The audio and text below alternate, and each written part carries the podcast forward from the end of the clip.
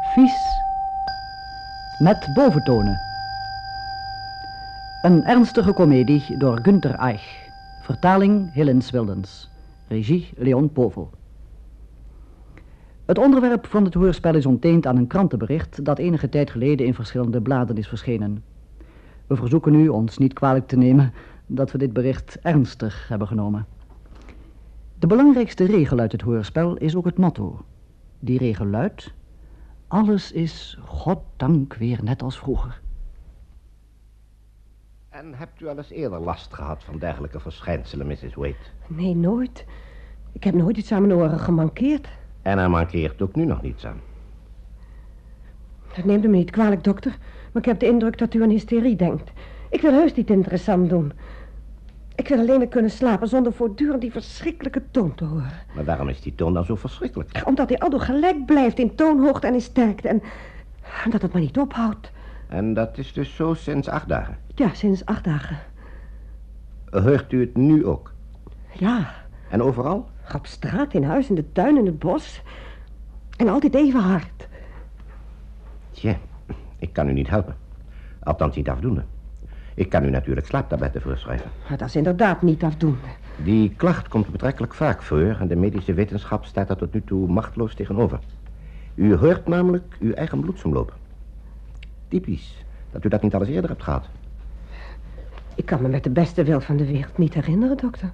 Het is een ruisend geluid, nietwaar? Nee, Helemaal niet. Het lijkt op de toon van een instrument. Ik zou alleen niet kunnen zeggen van welk. Het is een instrument dat niet bestaat, maar, maar die toon zou je muzikaal kunnen bepalen. Ja, wacht eens. Ik heb hier naast een piano. Dat kunnen we dus proberen.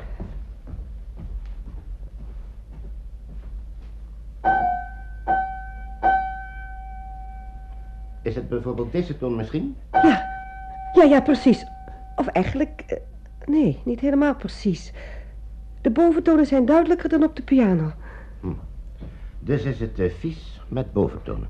En het is niet de timbre van een piano. Dat dacht ik al. Dacht u dat? Het is eigenlijk wel heel merkwaardig dat u meteen die vies aansloeg. Tja, toevallig. Zeg u eens, dokter. Hoort u misschien ook iets? Ik? Nee. Nee, ik hoor gelukkig niet. Jammer, ik zou me beter op mijn gemak voelen als anderen het ook hoort. Het is dus die vies. De vies. Kan dat de bloedsomloop zijn? Ik, ik heb het gevoel of u er meer van weet dan u wilt zeggen. Dat van die bloedsomloop, dat hebt u alleen maar gezegd om me dat anderen niet te hoeven vertellen. U hebt me deur. U lacht. Zegt u me nou alsjeblieft of het iets ernstigs is. In één opzicht kan ik u geruststellen, Mrs. Wade. Het was geen toeval dat ik dadelijk die vies aansloeg. Die heb ik de laatste dagen al meer aangeslagen. U bent de tiende patiënt die met deze klacht bij mij komt. Oh. Allemaal horen ze ononderbroken, dag en nacht, diezelfde toon. Aldoor op dezelfde hoogte en even luid. Ze slapen er niet meer van. Ze eten niet. Ze worden nerveus. Ja, ja. En bij mijn collega's is het niet anders. Al die patiënten eh, kennen elkaar klaarblijkelijk niet. Dus het schijnt geen massasuggestie te zijn. Maar in heel Londen zijn er mensen die die vies horen. Ik zeg toch ook, misschien is die tonen wel echt. Misschien is het helemaal geen medische aangelegenheid. Stel eens. Wat hebt u? Ik geloof. Ja? Ik geloof. Dat ik het nu ook hoor.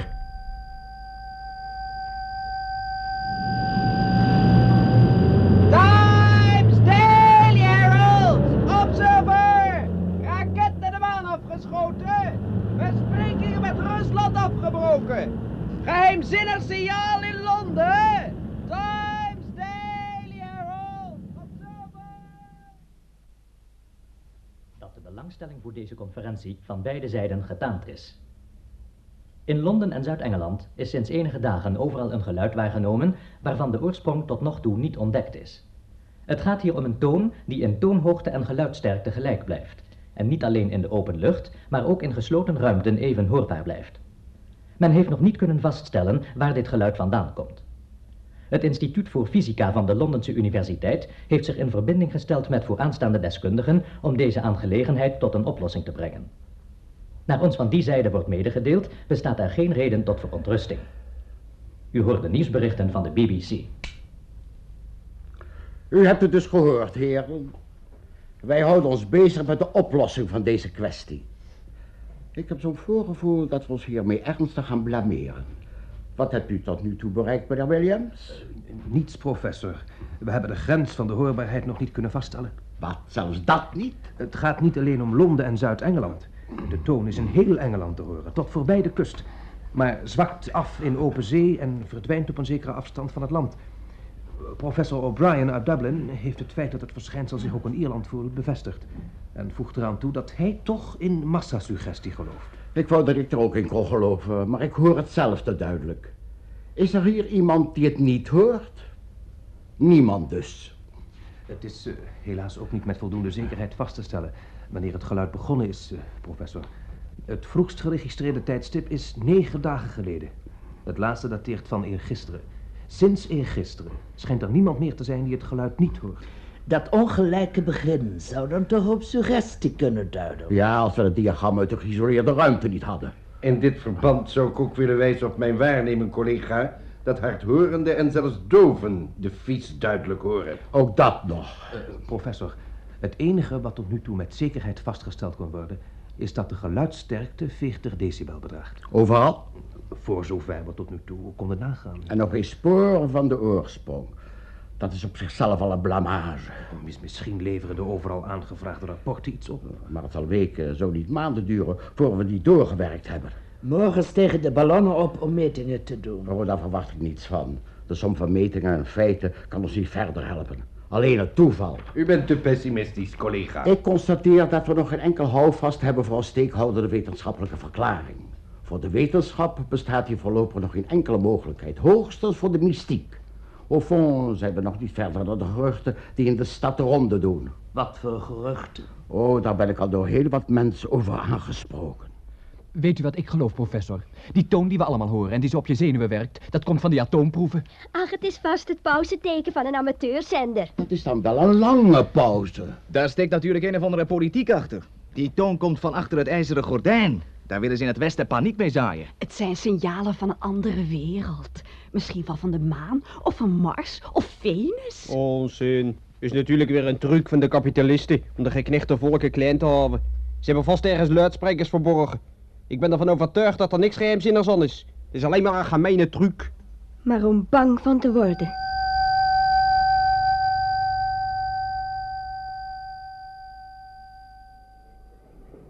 Luistert naar mij, jullie tragen. Luistert, jullie onverschilligen. Hoort naar mijn stem. Jullie die nog altijd niet gewekt zijn door de stem van God. Jullie paraderen in je zondagse kleren door Hyde Park. En omdat het gras nog even groen is als gisteren en de zon nog net zo schijnt als de vorige week, denken jullie dat je net zo kunt blijven als het gisteren was. Jullie verbeelden je dat je zonder schade voor jezelf door kunt gaan met je naasten te bedriegen. Jullie eet je vet, drinkt, hoereert en wentelt je in de modder van je zonde. Jullie zondagse kleren zijn besmeurd, maar jullie merken het niet, dames en heren. Niets merken jullie. Maar God heeft ons een teken gegeven dat zich niet laat negeren.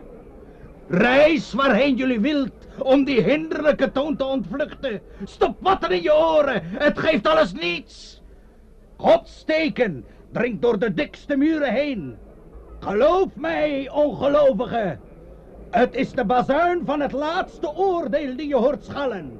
En ik zeg u, doet boete.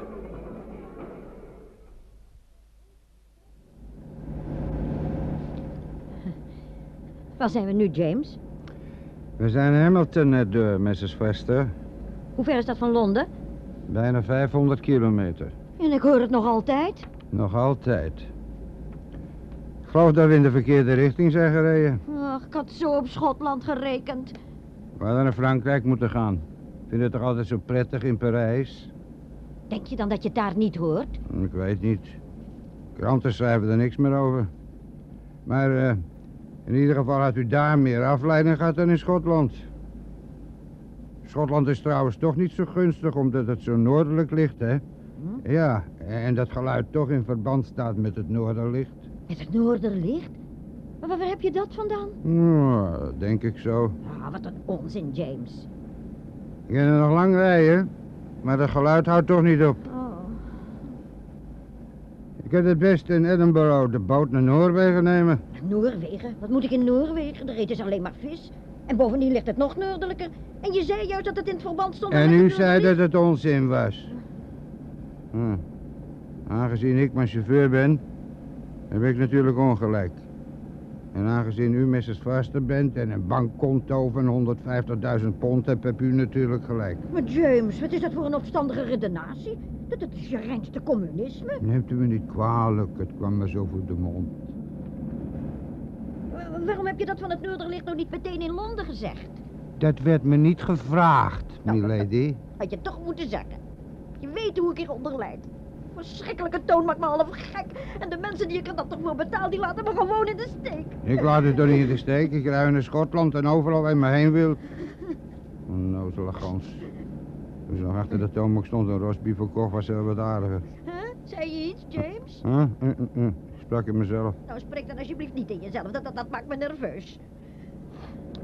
Ja. Het moet wel verschrikkelijk voor u zijn, Mrs. Foster. Ik wist wel dat jij een medelijdend mens was. James doet dit en James doet dat. En of het nou James was of een ander, iedereen gehoorzaamde. Maar nu, Hè? Maar, maar nu? Wat, wat, wat, wat bedoel je? nu is er iets dat u niet gehoorzaamt.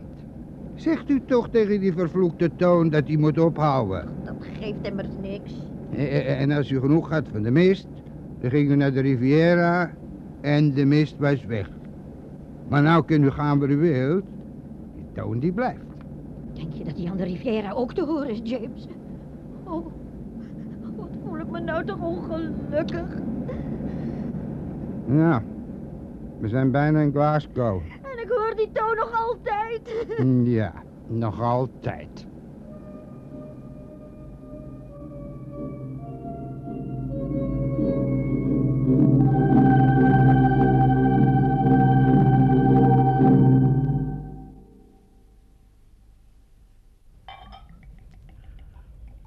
Neem ook een whisky, Mildred. Hey, ik heb nooit whisky gedronken, waarom zou ik daar nu mee beginnen? Ja, dan, eh, dan hoor je het minder. Heus? Ah, schenk me er dan maar een in. Je gaapt? Ja, ik ben zo moe als ik nog maar slapen kon, hè. Oh, ik slaap heel goed. Ik ben al aan het geluid gewend. Ach, je went aan alles. Ja, dat dacht ik ook. Je went aan alles. Zelfs aan een slecht geweten. Dat je Hm? verbeet. Dat je een goed geweten hebt. Heb jij dan zo'n slecht geweten? Soms heb ik het gevoel van wel. S'nachts, als er niets anders is dan die verschrikkelijke toon. En ik helemaal alleen ben met die toon. Maar Wat denk je dan aan? Dus zo smaakt whisky nu, hè? Ja, lekker, hè? Ja, ja. Is heel lekker, hoor. Had je nou heus nog nooit whisky gedronken? Nou, eerlijk gezegd, wel één keer. Dat is meer dan veertig jaar geleden, als jong meisje. Ja, het was maar één slok en toen ben ik verschrikkelijk duizelig geworden. Was ik helemaal vergeten. Nou ja, eenmaal is geen maal. Hm? Is trouwens goed om te kunnen vergeten. Schijnt je werkelijk te smaak. Als je maar wist hè, waar die toon vandaan kwam. Ach, dat zal vandaag of morgen wel aan het licht komen. En als het nou toch eens iets, iets anders is. Iets anders? Wat bedoel je? Iets dat, dat niet aan het licht komt. Dat, dat komt natuurlijk wel aan het licht. Ieder verschijnsel eh, heeft zijn oorzaak. Leg nog het hout op het vuur. Ik, ik heb het zo koud. Ondanks de whisky. Die haard brandt al als een vage vuur. Vage vuur. Wat een ellendig woord. Alle woorden krijgen de laatste tijd een diepere betekenis. Maar Mildred, wat, wat heb je toch in 's hemelsnaam? Er zijn toch overspannen mensen die zeggen dat die toon iets, iets heel anders te betekenen heeft. In Hyde Park zei iemand laatst dat, dat het de bazuin van het laatste oordelen was. De Bastuin van het laatste oordeel. Ja, ja, ja, gek hè? George.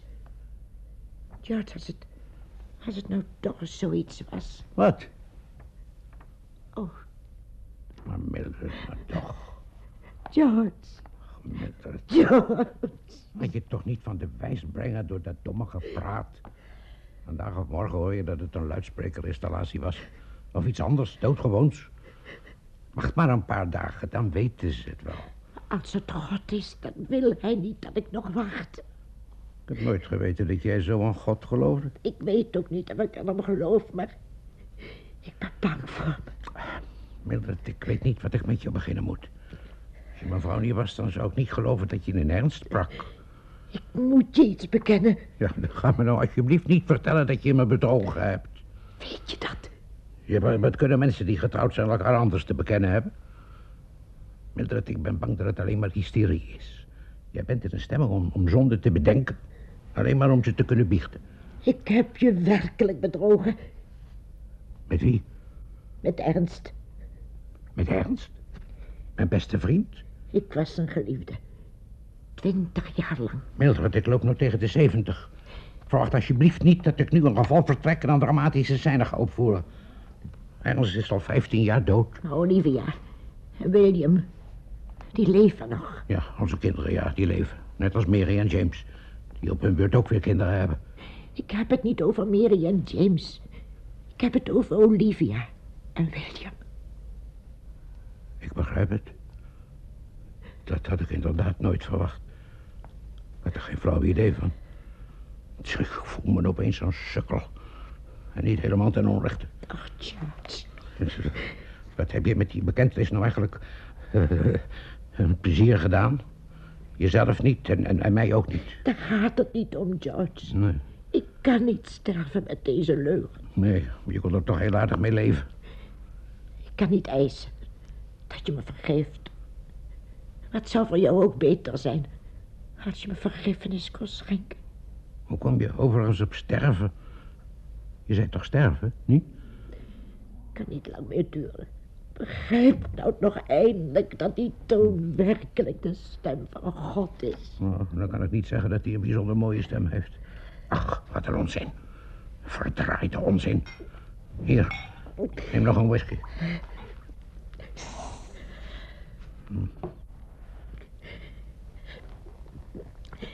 Ik raak nog aan verslaafd. Als het laatste oordeel zo dichtbij is, heb je daar in ieder geval niet veel tijd meer voor. Ach, wat een onzin. Nou heb je mij ook aangestoken. Ik word er nerveus van. Waarom houdt dat idiote geluid dan ook niet Ja. op? Waarom houdt het niet op, George?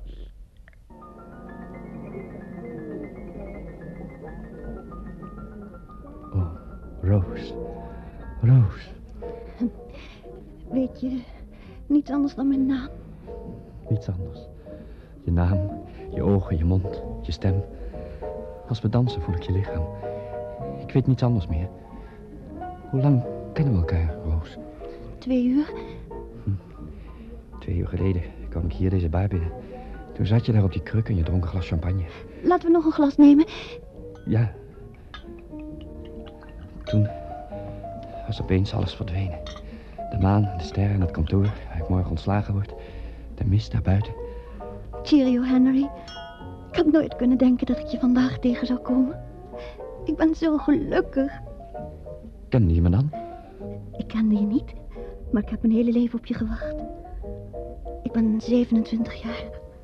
Al die tijd wacht ik al op je. Ook toen je nog klein was? Ja, toen ook. Ik leefde bij gedresseerde honden en beren en zeeleeuwen. Die waren vriendelijk tegen me. Maar ik verlangde toch altijd naar jou.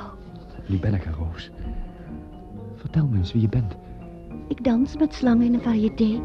Oom, je hoeft niet bang te zijn hoor. Ik ben niet bang. Ik wil alleen maar weten wie je bent. Ik ben niets anders dan het verlangen naar jou. Niets anders dan dat. Roos. Wat dacht je toen ik binnenkwam? Ik dacht aan de hotelkamers in San Francisco en Buenos Aires. Ik dacht dat dat alles nou voorbij was. Wat er ook gebeurt, Henry, dat is nou voorbij. Ik ben zo lang wakker geweest, maar nog begint mijn droom. En die zal nooit meer ophouden, zelfs niet als jij nou wegging en nooit meer terugkwam. Een half uur geleden is mijn moeder gestorven. Ze had tering. Ik weet niet hoe lang ik nog gezond zal blijven. Lieveling, spreek je toch over? Over eilanden, Henry. Eilanden waar wij alleen wonen. Wat weten de mensen toch weinig? Ze zeggen dat er geen eilanden meer bestaan en toch, hier is er een. We liggen in het warme zand. En de branding speelt om onze voeten. Morgen word ik ontslagen, omdat ik tegen mijn chef heb gezegd dat hij een ezel is. Hij is ook werkelijk een ezel. Hij vliegt door de kantoren en schreeuwt ja. Ik ben een raaf met gekort witte vleugels die aan een bureau zit. Moet ik met je optreden? Ja, Henry. Jaren geleden was ik een rood Porsche. Dat was toen ik nog naar school ging. En een mol ben ik ook al geweest. Maar nog nooit een echt mens. Hm. Sinds twee uur weet ik dat het heerlijk is om een mens te zijn. Voortaan zal ik altijd een mens zijn. Dat is heel erg moeilijk, Henry. Zeg dat niet, Roos. Al mijn zintuigen werden door jou in beslag genomen. Maar als je zo praat, Wat dan? dan gaan mijn oren open. En dan hoor ik weer Hou je mond, Henry. door de muziek heen, door alle woorden heen, door de liefde heen, door alles heen hoor ik weer die toon. Hoor ik de angst. Nee, Henry, niet de angst, niet de angst. Hoor je dan niet de liefde die geen geluid maakt en toch die angst overstemt? Dichterbij me, Roos. Ik hoor die verschrikkelijke toon van de angst. Dus we zitten toch maar in een doodgewone bar, Henry. Is het iets anders dan een baar? Nee. En jij bent ook niet degene waarop ik wacht. Henry. Henry, wie ben je? Een man waar ik bij blijf om- omdat ik bang ben. En die andere Henry is weg. Verdwenen. Ik weet niet waarheen. Naar het eiland. En dan de andere Roos bij de hand en ze liggen onder de palmen aan het strand. Maar wij zijn achtergebleven. Je moet heel lief voor me zijn, want ik zal gaan huilen. Drink, Roos. Onze zielen zijn verdwenen. We hebben alleen nog maar ons omhulsels over. Om te drinken en te kussen. Hoor je het, Henry? Oh ja, ik hoor het heel goed.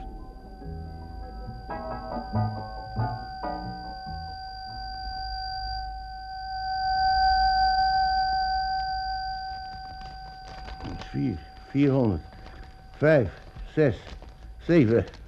Je zult het niet geloven, Victory. Maar ik heb er vandaag bijna 25 pond gevangen. Heb ik je niet altijd gezegd dat bedelen een voordelig baantje is? Zoveel verdient een bankbediende in een hele maand. Alleen moet ik natuurlijk toegeven dat het pas zo goed gaat sinds die gekke toon er is. Van dat ogenblik af zijn de mensen veel gelukkiger geworden. Omdat ze slecht geweten hebben. ja, de pennies worden alsmaar zeldzamer in mijn hoed. Tegenwoordig krijg ik meer shillings. Zo. ik, ik kreeg zelfs van iemand een pond. Ja, de vakbond die had me voor vandaag Bond Street aangewezen. Mm. Oeh, anders een slechte straat. hoor. Omdat ze daar duur doen. Maar ik zeg, als ik daar eventjes zeg, dames en heren, denk aan de stem van God die te horen is. En loopt u niet onverschillig voorbij. Hier zit een invalide uit de beide wereldoorlogen. Nou, dan regent het geld in mijn hoed. Betty moet een nieuwe jurk hebben. Ja, ze komt nou in de jaren dat ze ijdel begint te worden. Natuurlijk, koop maar een jurk voor haar. Ze kan alles krijgen wat ze hebben wil. Ik verdien genoeg. Weet je waar ik over denk? Nou, Om een auto te kopen. Zou dat niet leuk zijn? Zo zondags met ons drietjes een beetje te toeren. Ja, ja, natuurlijk, maar... Wat maar? Nou, vind je niet een beetje gek? Als een bedelaar een auto koopt? Waarom niet? Als niet zijn eigen permitteren kan. Nee, hier in onze buurt weet trouwens toch niemand dat ik bedelaar ben. Dat bedoel ik niet. Maar het is misschien eh, de hemel verzoeken. Victory, doe niet zo bijgelovig. Geloof jij werkelijk dat die toon die we dag en nacht horen... niks te betekenen heeft? Nee, dat betekent niks. Daar vinden ze vandaag of morgen een heel gewone verklaring voor. En als het nou toch eens iets betekent? Dan hebben we pech gehad.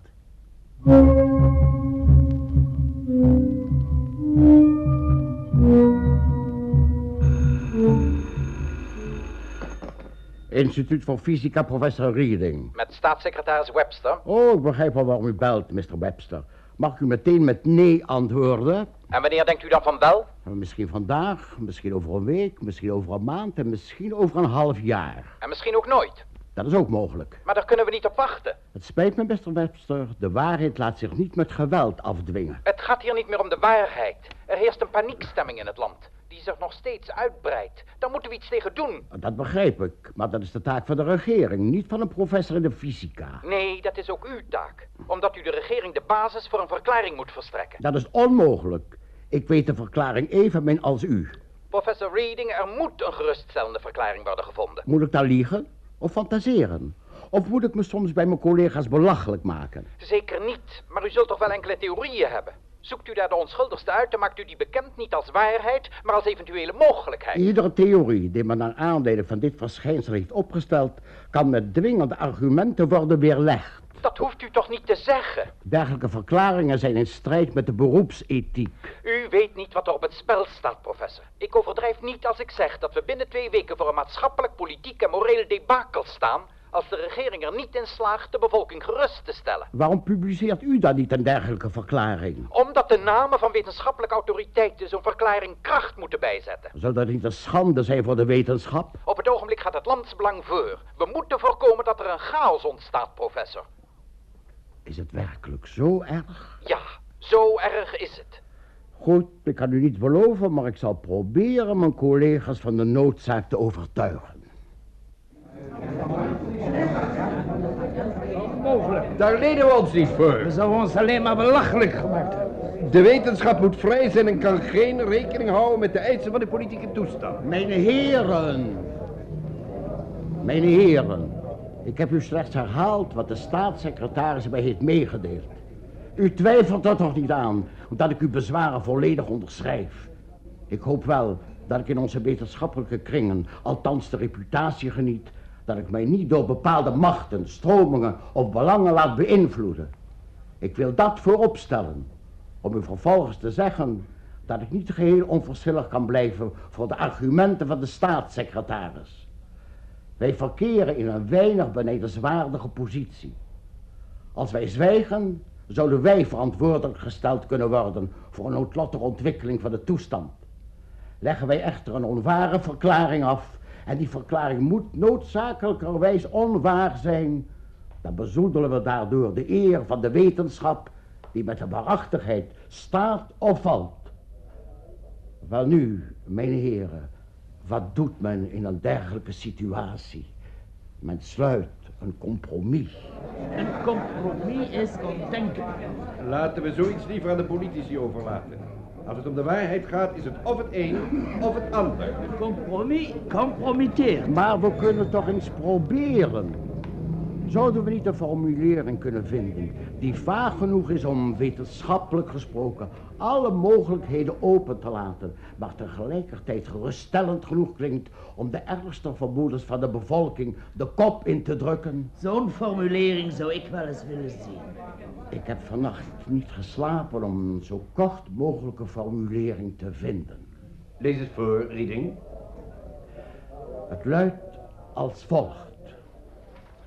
Het college van professoren dat zich met de wetenschappelijk onderzoek van het sinds 14 dagen in Londen waargenomen akoestisch verschijnsel bezighoudt, heeft de mening geuit dat er geen reden bestaat tot ongerustheid.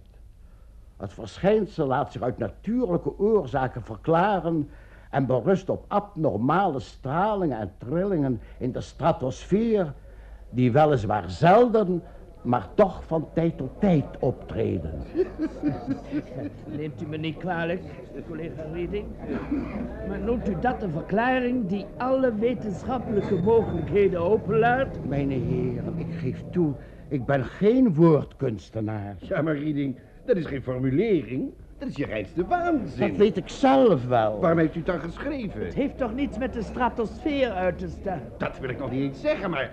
Mijn heren, laten we niet weer over onze theorieën gaan reden twisten. Dat is overigens onze taak. We hebben nu een concrete verklaring nodig. Ik stel voor om te stemmen. Goed. Wie is er nog meer tegen mijn formulering? Mag ik u verzoeken de hand op te heffen? Ik stel vast, iedereen. Het spijt me, Reading. Mag ik nu over een tweede kwestie laten stemmen? Wie is er voor dat wij, hoe dan ook, aan de regering een door ons ondertekende verklaring overhandigen? Ik stel vast, niemand.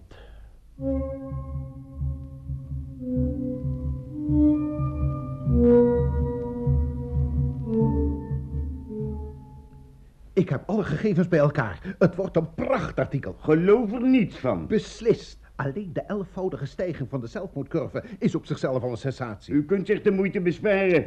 Zenuwinrichtingen overvol. Weigeren nieuwe gevallen op te nemen. Stelt u zich dat eens even voor. Overal lopen gekken vrij rond. Oh, dat valt niet eens op. Zoveel ziekmeldingen in de bedrijven dat men tot sluiting moest overgaan. Mijn hemel, Hopkins, laat me nou eindelijk met rust met al die onzin. Dat interesseert toch niemand meer? Dat interesseert niemand meer. Ja, neemt u mij niet kwalijk, meneer. Dat is het enige wat de mensen op het ogenblik bezighoudt. Politiek, geen hond. Brigitte Bardot, goed voor de mottenkist. Wereldkampioenschappen zwaargewicht, nog geen drie regeltjes waard. Vies, dat is de toon waar muziek in zit. Die vies met zijn boventoon. Luister eens even, Hopkins. Als je nou nog één woord over die vies zegt, ben je ontslagen. Wat? En overdween je. En als je voor morgen niet een sensatieartikel hebt, ben je ook ontslagen. Ontslagen? Maar dit is toch de grootste sensatie? Hopkins, wat ik van je verwacht moet niets uitstaande hebben met een vies of met welke toon ook. Het artikel moet zo zijn dat je de vies er helemaal bij kunt vergeten. Begrijp je dat? Ik begrijp het weliswaar niet, maar ik begrijp het. Geen woord meer over de vies.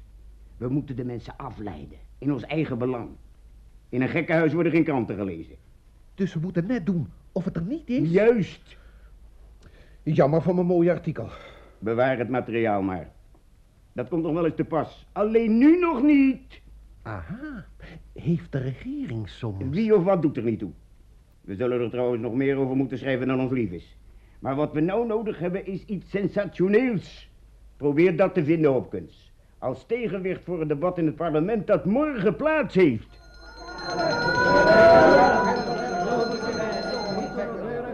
Het voorstel van afgevaardigde Morris om het vastgestelde debat uit te stellen werd met 512 tegen 78 stemmen verworpen. Als eerste heeft afgevaardigde Drinkwater het woord. Leden van het Lagerhuis, u hebt zojuist het voorstel van Mr. Morris, dat ik zeer verstandig vond, afgewezen. Maar waar moeten we nu eigenlijk over spreken? Dat we nu al sinds weken allen deze doordringende toon horen is bekend. We willen weten wat de regering eraan doet. U, u kunt van geen enkele regering eisen dat ze iets doet tegen regen, onweer of hagel. Maar wel tegen de gevolgen daarvan. Natuurlijk. Het beste dat de regering en het parlement tegen de toenemende onrust onder de bevolking kon doen, was te zwijgen. Maar u kunt de feiten niet doodzwijgen. Daar nog bij. Nog de wetenschap klaarblijkelijk ook maar een mogelijkheid zien om de oorzaak van deze toon te verklaren, laat staan de toon zelf tot zwijgen te brengen, zou ieder debat daarover de nervositeit alleen maar groter maken. En wat is het resultaat van zo'n debat? Dat we de bevolking moeten vertellen, wij kunnen jullie ook niet verder helpen. U moet met concrete feiten komen, u moet... Nou. En kort voor het begin van deze zitting kreeg ik het bericht dat een van onze vooraanstaande lords, drager van een beroemde naam, zijn hele vermogen aan liefdadige instellingen wil vermaken. Vindt u dat zo vreselijk? Dat mag ik, ik vind het in zoverre vreselijk, omdat hieruit blijkt hoe de verwarring steeds verder om zich heen grijpt. U kunt uw geld toch houden? Schenk me eens een biertje in, Mabel. Alsjeblieft, een biertje. Is er al wat nieuws? Niets. Ze zullen nog wel urenlang praten. Vandaag zul je geen goede zaken doen met de heren. Och, af en toe komt er wel een wat drinken. Die vervelen zich ook als de zitting zo lang duurt. Zolang ze die toon horen, vervelen ze zich anders niet gauw. Zeg, langzamerhand ga ik ook in geloven. Wat geloof je dan? Dat het een teken is. Hmm. Ik ben een christen. Maar daarbinnen zijn er heel wat die niets geloven. En als je die toon niet voor een teken van God houdt, ben je dan een heiden? Ja, daar komt het op aan. Daardoor worden de gelovigen van de heidenen gescheiden. Nou, neem me niet kwalijk, maar wat je daar vertelt is klinklare onzin. Hoor, ze worden daarbinnen steeds luidruchtiger. Haal, mijn heren! Ongeacht welke natuurkundige verklaring men voor dit verschijnsel zal vinden... in zekere zin hebben degenen die spreken over een teken van God gelijk. Ah, dat is toch overdreven. U hoort in een kerk thuis, niet in het parlement. Zegt u het maar meteen. Het is de bazuin van het laatste oordeel. Afgevaardigde Leeds heeft het woord. Daar nog wij, nog de geleerden in staat zijn om die toon tot zwijgen te brengen, bestaat er maar één middel tegen. We moeten hem over stemmen. Zeker door uw stem. daarom, daarom stel ik voor de luchtalarmsirenes onafgebroken te laten loeien. Ah, Oh, dat is Dat noem je de duivel uitdrijven met Beelzebub. Ik stel vast dat de geestelijke verwarring ook in het parlement om zich heen begint te grijpen. Ze praten en praten maar. En intussen, Intussen wat? intussen gaat de wereld ten onder. Nou, kom, kom, zo gauw gaat het niet. En ze merken het niet eens. Jij ook niet. Een paar beginnen te begrijpen waar het om gaat. Sommige mensen proberen zich te verdoven omdat ze denken dat het al te laat is. Maar het is nooit te laat om om te keren en de weg van de rechtvaardigen te volgen. Kijk om je heen, Mabel. Alles wat ze doen komt voort uit hun angst.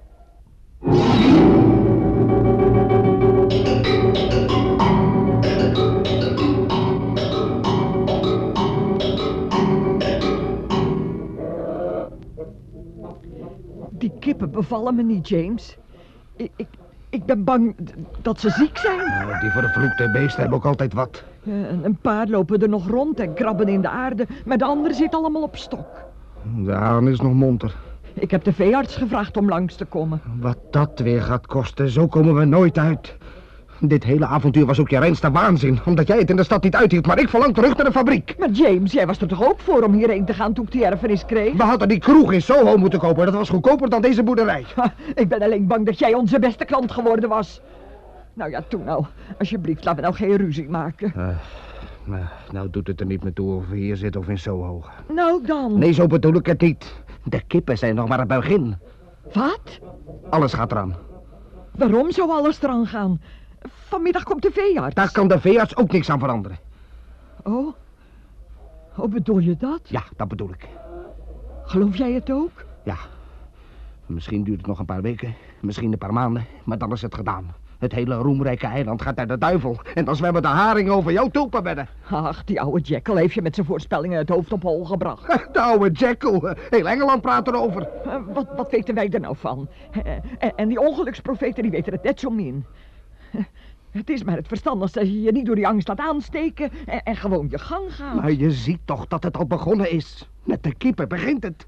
Ze hebben toch altijd kippenziekte bestaan? Maar zo'n toon die je dag en nacht in je oren klinkt is er nog nooit geweest. Bessie, Bessie, we moeten hier weg. Weg? Ja, we, we- we moeten zien dat we in veiligheid komen. Maar waar moeten we dan naartoe? nou, naar, naar Frankrijk, dat is het beste. Naar Frankrijk?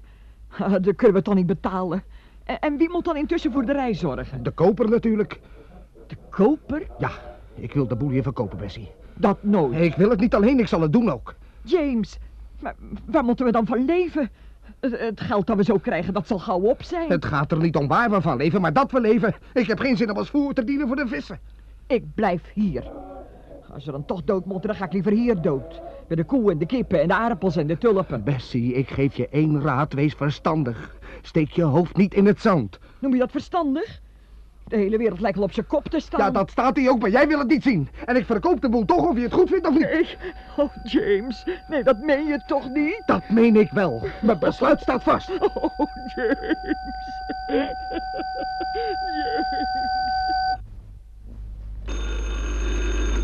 Makelaarskantoor Williams Co. Ja. Een boerderij? Nee, daar hebben we helemaal geen interesse in. Ja. Ja, dat geloof ik graag. Het, eh, het aanbod is groot, hè. Iedereen wil verkopen, maar niemand koopt. Ze denken dat de grond hier toch onder water komt te staan. Wat? Ach, nee, nee. Nee, liever niet, nee. Oh Ja, een plezier doen, een plezier doen. We zijn tenslotte een firma die zaken doet om er iets aan te verdienen, nietwaar? Oh, u wilt naar Frankrijk? Ja, ja, daar wil iedereen wel naartoe. Maar eh, dat kan ik me niet veroorloven, omdat we al door meer waardeloze grond moeten kopen. Ja, natuurlijk, meneer. Natuurlijk, ik heb ook een hart. Ach, nee, nee, ik, ik ben geen onmens, meneer, maar veel kunnen we er vandaag de dag niet voor geven. Hè? Hoeveel? Ja, ja, dus, moet ik het eerst eens zien? Hè? Ja, ja. Ja, wel, misschien kan ik eens langskomen, maar eigenlijk loont het helemaal de moeite niet. Nee, hoogstens een halve shilling per vierkante meter. Hm. Is dat niet meer dan het reisgeld? Nou, wees u nog maar blij dat u tenminste dat reisgeld hebt. Dat staat gelijk met uw leven te kunnen redden. Eh, ja, zoals u wilt. Nou ja, luister eens, als u nou per se wilt, dan kom ik wel even langs. Maar eh, alleen als ik meteen de notaris mee kan brengen. Anders geef ik meer uit aan benzine dan het hele stuk grond waard is. hè? Ja, goed. Goed, akkoord. Goed, ja, dank u. Dag meneer, tot ziens.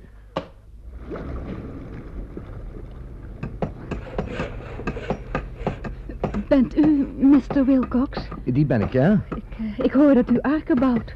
Dat is zo, mevrouw. We hebben twee arken klaar en de derde is in aanbouw. Ze zijn precies gebouwd naar het voorbeeld van de ark die Noé heeft gebruikt. U weet waarschijnlijk wel dat professor Wilkinson daar een diepgaand onderzoek naar heeft ingesteld. De eerste ark is in opdracht van de gemeenschap der laatste dagen gebouwd. En alle plaatsen zijn uitverkocht. Alle arken worden trouwens voorzien van radio. Dat is iets dat Noé nog niet had. Wat kost één plaats? De passage kost 100 pond per persoon, zonder de kost. Leeftocht moet u zelf meebrengen.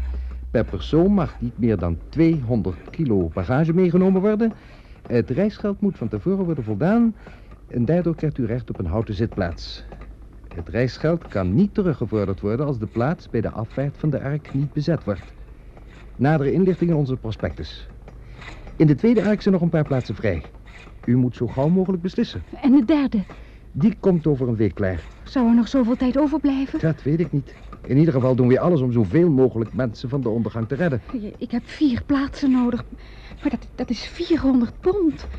Kan het niet wat goedkoper? Het spijt me, maar er is ontzettend veel vraag naar. En kan het niet op afbetaling?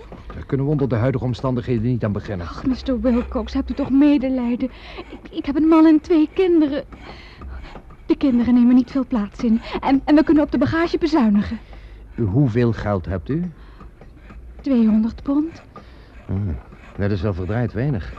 Maar ja, ik ben ook de kwaadste niet. Als u de bagage thuis laat, mag u de kinderen meebrengen. Oh, ik dank u hartelijk, Mr. Wilcox.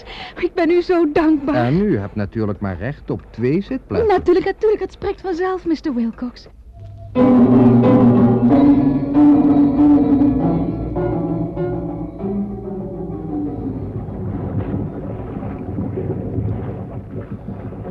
Stuart, wanneer zijn we in Calais? Om elf uur, sir. Dat is over een half uur. Dank u. Hallo, Mr. Patterson. Mrs. Bailey. Dat is leuk dat ik u hier ontmoet. Ontzettend leuk. Waar gaat u heen? Een paar dagen naar Parijs, voor zaken. Oh, dat is gezellig. Dan reizen we samen. Want ik ga ook naar Parijs. Bent u alleen? Mijn man is in Londen gebleven. Oh, hij kon immers niet weg. Zijn praktijk, nietwaar?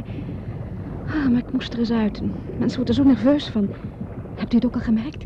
Wat? Dat je het hier niet meer hoort? Inderdaad. Heerlijk, hè? Gaat u door naar de Riviera? Ik weet nog niet. Ik wilde voor alles weg uit Londen. Dat begrijp ik. En misschien ga ik ook wel door naar de Riviera. Hoe lang blijft u weg? Weet ik nog niet. Ik denk in ieder geval dat ze Londen niets meer horen. En u? Ach, dat kan ik van tevoren nog niet zeggen. Ik kan me wel een beetje naar u richten, als u wilt. Ik zou ook in Parijs kunnen blijven. Werkelijk? Ja, Bill. Evelyn, En misschien gaat u wel mee naar de Riviera. misschien? Heerlijk dat we elkaar ontmoet hebben. Hoe lang hebben we elkaar wel niet gezien? Een half jaar? Toen ging u naar Schotland en vergat mij. Ik heb u niet vergeten, Bill. Ik heb nog dikwijls aan u gedacht. Het speet me dat onze flirt niet verder is uitgegroeid. Niet verder? Weet u wel hoe ver die was uitgegroeid? Ik heb uw kus niet vergeten, Bill. Dat was in het park van Berkeley. U hield me zo stevig vast, Bill. Zo vast. Het was er heel donker. En toen kuste ik u. En bij die ene kus is het gebleven. Omdat u de volgende morgen afreisde. Maar dit keer blijf ik bij u, Bill. U brengt me helemaal in de war, Evelyn. Mijn hart klopt alsof ik een schooljongen was. Misschien bent u dat ook wel. En leergierig, naar ik hoop. Laten we naar de reling gaan. Heb je behoefte aan wat koelte?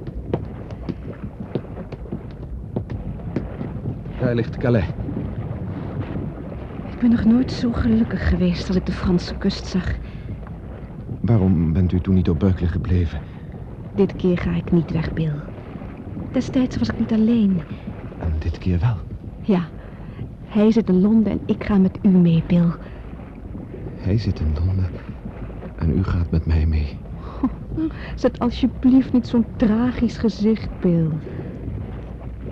Nu besef ik pas goed dat je het hier niet meer hoort. Wat? Die toon? Oh ja, dat is waar ook. Ik was er vergeten. Laten we er niet meer over spreken, Bill. Laten we alleen maar over onszelf spreken. Bent u er heel zeker van, Evelyn, dat die toon niets te betekenen heeft?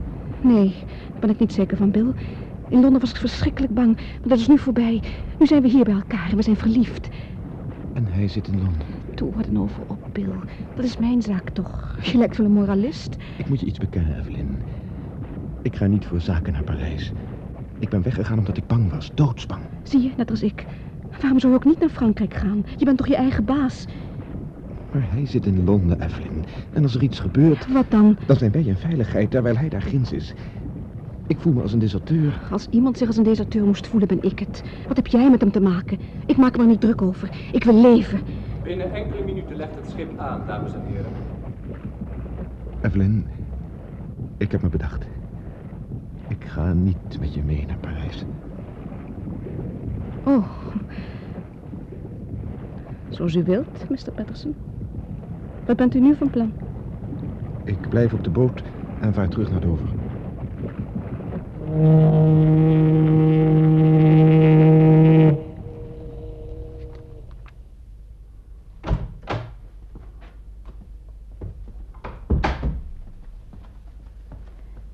Een telegram voor u, Mr. Brockwood. Wacht, leg mijn kussen eens goed, Mary. Waar komt het vandaan? Uit Parijs. Ah, van de kinderen. Ze telegraferen zeker hoe laat ze aankomen. Terugkeer vertraagd. Betty ziek. Geen reden tot ongerustheid. Heb je dat gehoord, Mary? Jawel, Mr. Brockwood. Ligt u nou beter? Ik begrijp er niets van. Als Betty ziek is, hoeven ze toch niet allemaal daar te blijven? Wilt u nog iets hebben, Mr. Brockwood? Nee, dank je, Mary. Ze zijn allemaal weggereisd. En ze hebben me hier alleen achtergelaten. Een verlamde, hulpeloze oude man. Ik ben iedereen tot last. Niemand bekomt zich om me. Ik ben er toch nog, Mr. Brockwood? Ja, jij bent heel goed voor me, Mary. Maar je wordt ervoor betaald. Toch doe ik het graag, Mr. Brockwood. Dank je, Mary. Ik wou wel dat een van mijn kinderen, of kleinkinderen, zo was als jij. Wanneer zouden ze nou terugkomen? Ik denk niet dat ze zo gauw terugkomen. Waarom denk je dat? Ach, dacht het zomaar. Je dacht het zomaar? Nou, Luister eens, of je zegt iets, of je zegt niets. Maar geen halve toespelingen. Ik praat er liever niet over. Ja, en nu zeg je voor de duivel wat je precies bedoelt. Nou ja, ik, ik dacht dat het in verband stond met die toon die we alder horen. Hoe kan het daar nou mee in verband staan? Ik geloof dat ze daar een beetje bang voor zijn. Hoe kunnen ze daar nou bang voor zijn? Nou, Die toon is wel doordringend, maar hij doet toch geen pijn? Sommigen zeggen dat hij onheil voorspelt. Maar bijgeloof, wat voor onheil zou je dan voorspellen? De ene zegt oorlog, epidemieën, hongersnood. Nou, zulke dingen zijn voorgekomen ook zonder dat je van tevoren een bepaalde toon hoorde. En wat zeggen de anderen? Die denken dat Engeland in de zee zal wegzinken. Wat een onzin. En ze beweren dat- dat die toon een waarschuwing van God is. De bazuin van het laatste oordeel. Kostelijk. En jij, geloof jij dat ook, Mary? Nee, Maar je denkt wel dat mijn familie het gelooft. helemaal niet, Mr. Brockwood. Nou, maar je zei toch juist dat ze daarom naar Parijs waren gegaan? Mr. Brockwood, ik geloof er ook niet aan. En, en toch zou ik naar Parijs gaan als u er niet was. Als ik er niet was. Dus, om mij bleef je hier? En waarom zou je dan wel gaan? Zeker is zeker. U kunt erom lachen, maar misschien hebben die mensen toch wel gelijk. En volgens jou hebben mijn kinderen dat ook gedacht. Misschien wel. Maar mij hebben ze hier in Londen achtergelaten. U vergeet dat u niet vervoerd kunt worden, Mr. Brockwood. Anders hadden ze u natuurlijk meegenomen. Ja, maar was er dan ook niet de mogelijkheid geweest dat ze allemaal hier gebleven waren? Net zoals jij? Spreekt u niet over mij, Mr. Brockwood. Dat is geen verdienste. Ik, ik word er toch voor betaald. Heb ik je pijn gedaan, Mary? Met wat ik daar straks zei. Een beetje. Geef me een hand, Mary. Wees niet boos op me. Ik kan toch nooit boos op u zijn. Je hebt een zachte hand. Leg hem eens op mijn voorhoofd. Ja, Het doet me goed, Mary. Mr. Brockwood, daar ben ik blij om. Ik, ik wil u zo graag goed doen. Ja. mm. Waar denkt u aan? Oh, mijn kinderen. Dat ze me allemaal alleen laten. Daar moet u nou niet aan denken. Er is iemand die voor u zorgen wil. Nee, nee, nee, nee. Zegt u nou niet dat ik ervoor betaald word. Ik, ik wil ook zonder dat voor u zorgen. Hoe bedoel je dat? Ik zou het verschrikkelijk vinden als ik hier weg moest. Wilt u me beloven dat u me nooit zult ontslaan? Maar natuurlijk wil ik je dat beloven, Mary. Dank u, Mr. Brockwood. Hoe oud ben jij, Mary? 25, Mr. Brockwood.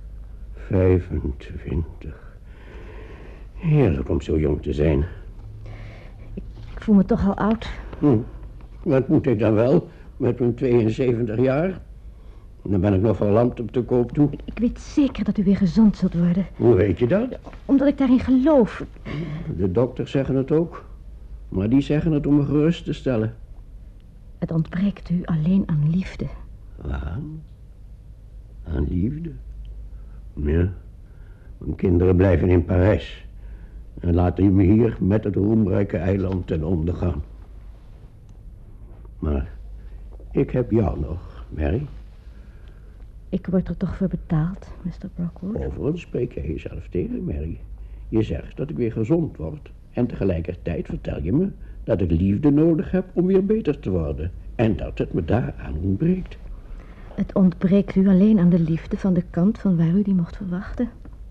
En verder niets. Nee, Mr. Brockwood. Zeg eens, Mary. Ben je eigenlijk verloofd? Of eh, is er een jonge man waar je van houdt? Nee, Mr. Brockwood, ik heb niemand waar ik me om bekommeren moet. Behalve om mij.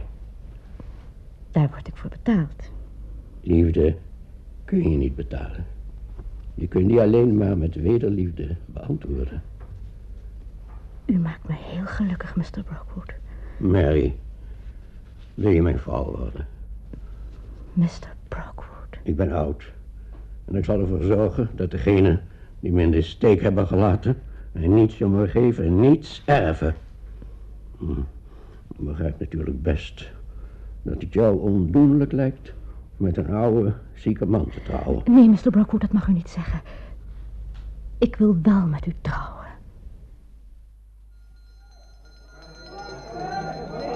Afgevaardigde Drinkwater heeft het woord. Leden van het Lagerhuis, ik moet bekennen dat ik niet begrijp waarom er hier de laatste dagen zo verwoed gedebatteerd wordt. Ik heb maar één enkele simpele opmerking te maken. En ik speel daarmee de rol van het kind in het sprookje De Nieuwe Kleren van de Keizer. Hij heeft helemaal geen kleren aan, riep dat kind. En iets dergelijks wil ik u en het hele volk toeroepen. Mijn heren, waar is die toon waar we ons zo over opwinden? Ik hoor hem niet meer. Heren, heren, ik verzoek u om een ogenblik stilte. Zodat we de zojuist gemaakte opmerking aan de werkelijkheid kunnen toetsen. Hij is inderdaad niet meer te horen. Ik hoor ook niks meer. Het is weg. Het is over. Die toon is weg. Ik hoor niks meer. Die toon is weg. Die toon is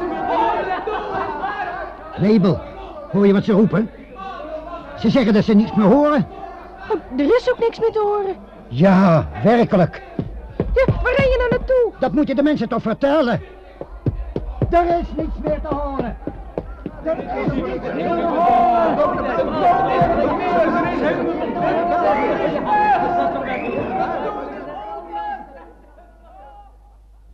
Is dat een artikel of niet? Engeland aan de rand van de afgrond. De toon die de wereld te gronden dreigde te richten. Heel goed, Hopkins, maar alleen de hoofdzaak ontbreekt. De verklaring. De verklaring? Niemand weet de verklaring. En als jij die nou eens kon vinden, Hopkins... Dan wist ik meer dan al die professoren bij elkaar. Een journalist moet altijd meer weten dan de professoren. Eh, eh, wat zeggen die overigens? Heer collega, nadat ons studieobject zeggen het niets heeft opgelost, ben ik van mening dat wij onze commissie ook wel kunnen ontbinden. Zonder enig resultaat? Dat gaat niet. Maar hoe wilt u nu nog tot een resultaat komen? Het is nu toch te laat. De toon was drie weken lang te horen en we hebben er geen verklaring voor gevonden. Heren, dat is een verschrikkelijke, onsterfelijke blamage. Het is misschien het beste als we heel stil uit elkaar gaan en er verder het zwijgen toe doen. Wij verwijzen de kwestie eenvoudig naar de doofpot. Dat is onmogelijk. Dat is een smet op de wetenschap. De wetenschap eist dat we onze onwetendheid bekennen. Ja, maar wilt u soms de tak waar wij op zitten gaan afzagen? Dus als ik u goed begrijp, wilt u met een verklaring over ons onderzoek in de openbaarheid treden? Ja, dat acht ik noodzakelijk. We moeten een formulering vinden om de eer van de wetenschap te redden.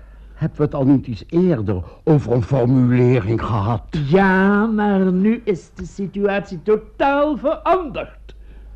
Maar nu is de situatie totaal veranderd. Ja, ik weet niet wat ik hier nog aan zou moeten doen, eh, Lord Berkeley. U hebt uw hele vermogen aan liefdadige instellingen afgestaan. Schenkingen is aanvaard, de kosten zijn betaald. Ja, dat is alles rechtsgeldig en kan niet meer ongedaan gemaakt worden. Maar begrijpt u me toch, notaris Bloomfield? Ik ben geruineerd. Ik bezit geen penny meer. Daar heb ik u toen ook al op opmerkzaam gemaakt, maar u wilde niet naar me luisteren. U wilde plotseling beslist arm zijn. Ja, toen. Toen was de situatie heel anders. Toen geloofde ik nog aan het laatste oordeel. Maar intussen is wel gebleken dat het nog niet zo'n vaart loopt. Hmm, u geloofde dus aan het laatste oordeel.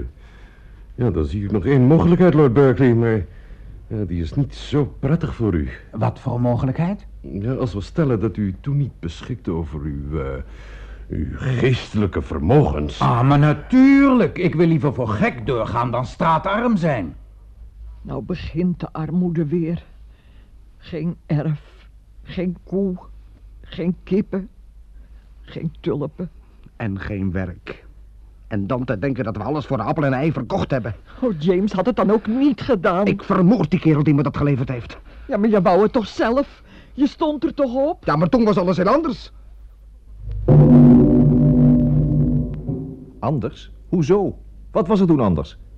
Nee, nee, u wilde verkopen en ik heb het u afgeraden omdat de prijzen zo laag waren, maar u was er niet van af te brengen.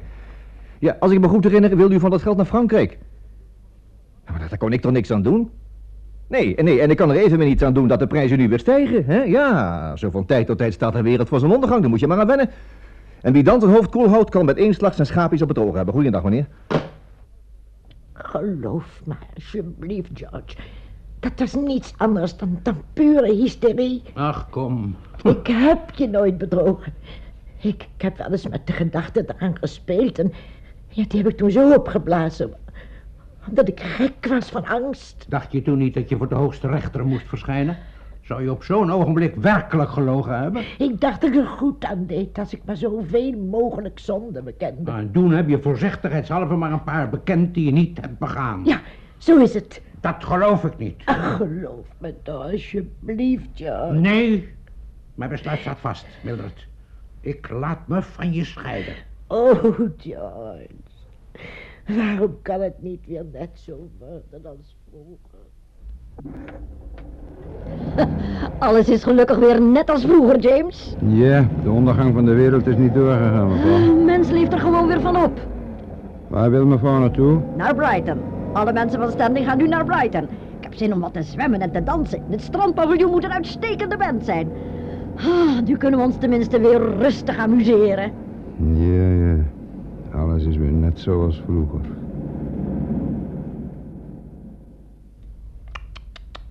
Het is weer net als vroeger.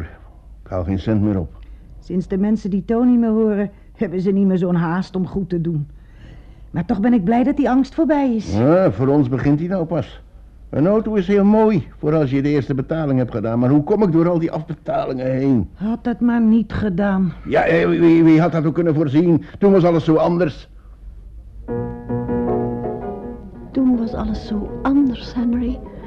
De angst dreef ons naar elkaar toe. Nee, Roos. Het was juist de angst die ons scheidde. Hoe dichter we bij elkaar waren, des te meer werden we daardoor gescheiden. Nu is alles weer net als vroeger. Misschien heb je gelijk. Misschien is het geen sleur. Maar werkelijk liefde. Je hoest? Niet de moeite waard. Ik ben nu niet meer bang voor mezelf, maar alleen voor jou. Oh, Henry. Liefste. Liefste. Roos, Zal ik het je zeggen, Henry? Soms hoor ik die toon nog. Maar ik geloof dat hij alleen voor mij bedoeld is.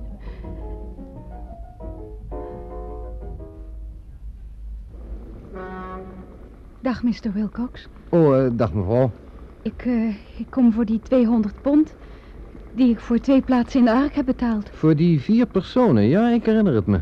Ik had het voor u wat goedkoper gedaan. Ik wou dat geld graag terug hebben, Het spijt me, maar daar hebt u geen recht op. maar ik heb toch geen gebruik gemaakt van die plaatsen? Krachtens het contract dat u hebt ondertekend, hebt u recht op twee plaatsen, maar er is geen sprake van terugbetaling. Ja, maar toen was alles anders. Ja, toen smeekt u me om die plaats. U hebt me ervoor bedankt. Maar nu u denkt dat de wereld nog wel even zal blijven bestaan, wilt u uw geld terug hebben. Het spijt me, mevrouw. Wie het noodlot wil ontvluchten, moet er ook wat voor betalen.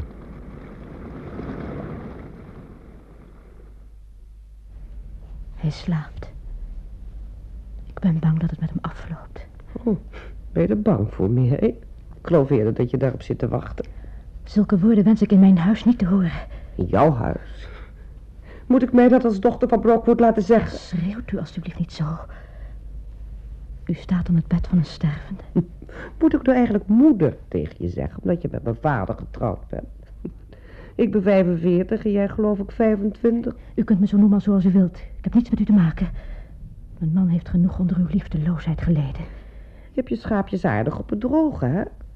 Wat heeft hij in zijn testament beloofd? Dat is het enige dat u schijnt te interesseren. Jij interesseert je daar niet voor, hè? Ik hou van mijn man. Huigelaarster. Ellendige huigelaarster. Waarom bent u weggegaan en hebt u hem alleen gelaten? Het is allemaal uw eigen schuld. Ja, waarom ben ik weggegaan? Waarom ben ik toch weggegaan? Nou is alles heel anders gelopen. Ja, nou het voorbij is, is iedereen weer verstandig geworden. Ja, nu alles voorbij is. Nu is iedereen weer verstandig geworden. Wat is het heerlijk dat alles weer net als vroeger is. Dat is het behagelijkste gevoel dat er bestaat. Nu kunnen we weer liegen en bedriegen. Nu kunnen we weer een wolf zijn voor onze naasten. En geen stem uit de wolken hindert ons daarbij. O, jullie die daar door Hyde Park paradeert in jullie zondagse kleren. Luistert naar mij, jullie trage, jullie onverschillige. Hoort naar mijn stem, jullie die nog niet gewekt zijn door de stem van God. Hij heeft jullie een laatste waarschuwing gegeven. En omdat het gras nog net zo groen is als vroeger, denken jullie dat je ook weer net zo kunt zijn als je vroeger was. Je denkt dat het jullie niet zal schaden als je gewoon doorgaat met elkaar te bedriegen. Als je je verder volstopt, drinkt, hoereert en je wentelt in het slijk van jullie zonde. Jullie goede zondagse kleren zijn bezoedeld, dames en heren. En jullie merken het niet eens. Niets merken jullie. Neemt u mij niet kwalijk dat ik u even in de reden val. Waarom schreeuwt u zo? Ik ben de enige toehoorder. En mijn oren doen er gewoon pijn van, zo schreeuwt u. Ja, je moet wel schrijven. Als je wilt dat de mensen je horen. Want ze hebben slechte oren. Mag ik me even voorstellen? Hopkins, verslaggever van de Daily Sunshine. En voor het geval u mij daarnet bedoelde, ik wentel me niet in het slijk. Zou ik u even een paar vragen mogen stellen die op dit onderwerp betrekking hebben? Laat me met rust. Ik zoek mensen, geen kranten. Wij hebben een oplage van 600.000. Uw gehoor is bij ons veel groter dan hier in Hyde Park. Misschien hebt u gelijk. Ieder middel is goed. Zelfs domheid. Als je daardoor de mensen bereiken kunt. Nou, eh, kom nou maar. U houdt dus die raadslachtige toon die we enige weken lang hebben gehoord voor een teken van God. Goed, dat is een van de vele theorieën en deze heeft nogal opgang gemaakt. In mijn artikel vindt u alle theorieën bij elkaar. Maar wat mij interesseert is dit. Hoe verklaart u dat het plotseling is opgehouden? Het is helemaal niet opgehouden. Wat? Ja, neemt u me niet kwalijk, maar hoort u hem dan nog? Nee, maar onze oren zijn eraan gewend geraakt. Een toon die voortdurend en onveranderd blijft klinken, wordt tenslotte niet meer waargenomen. De oren wennen daaraan, zoals de mens aan zonde went. Afgezien van de zonde, naar uw mening zou er dus helemaal niets veranderd zijn? Er is niets veranderd. De stem van God blijft klinken, ook al horen wij haar niet. Dat is inderdaad een origineel denkbeeld. Ik ben u zeer dankbaar. De toon is niet verdwenen. Dat is mooi. Dat geeft aan mijn artikel een heel bijzonder relief. En trekt u daar verder geen conclusies uit? Ik? Wat zou ik daar voor conclusie uit moeten trekken?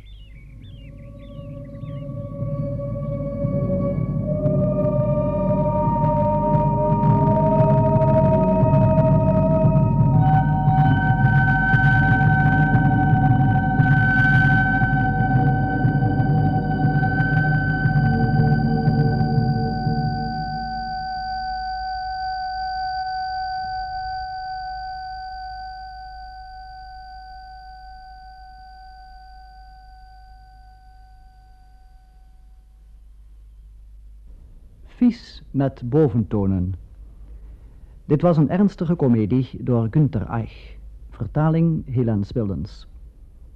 De medewerkenden waren Nora Boerman, Wiesje Bouwmeester, Joke Hagelen, Ellie den Haring, Barbara Hofman, Eva Jansen, Mien van Kerkhoven, Trudy Libosan, Tine Medema, Irene Poorter, Dogi Rugani, Vee Charone, Nel Snel, Jan Apong, Jan Borkus, Louis de Bree, Alex Vazen jr., Tony Folletta, Rob Gerards, Willem Gredinger, Wam Heskes, Hans Karsenbarg, Machiel de Kruif, Dries Krijn, Paul van der Lek, Donald de Marcas, Pierre Meijen, Jo Nobel, Rien van Oppen, Huip Orizant, Dick van het Zand, Hans Simonis, John Soer, Frans Somers, Gijsbert ter Steeg, Hans Veerman, Jan Verkoren, Johan Wolder en Jo Fischer senior.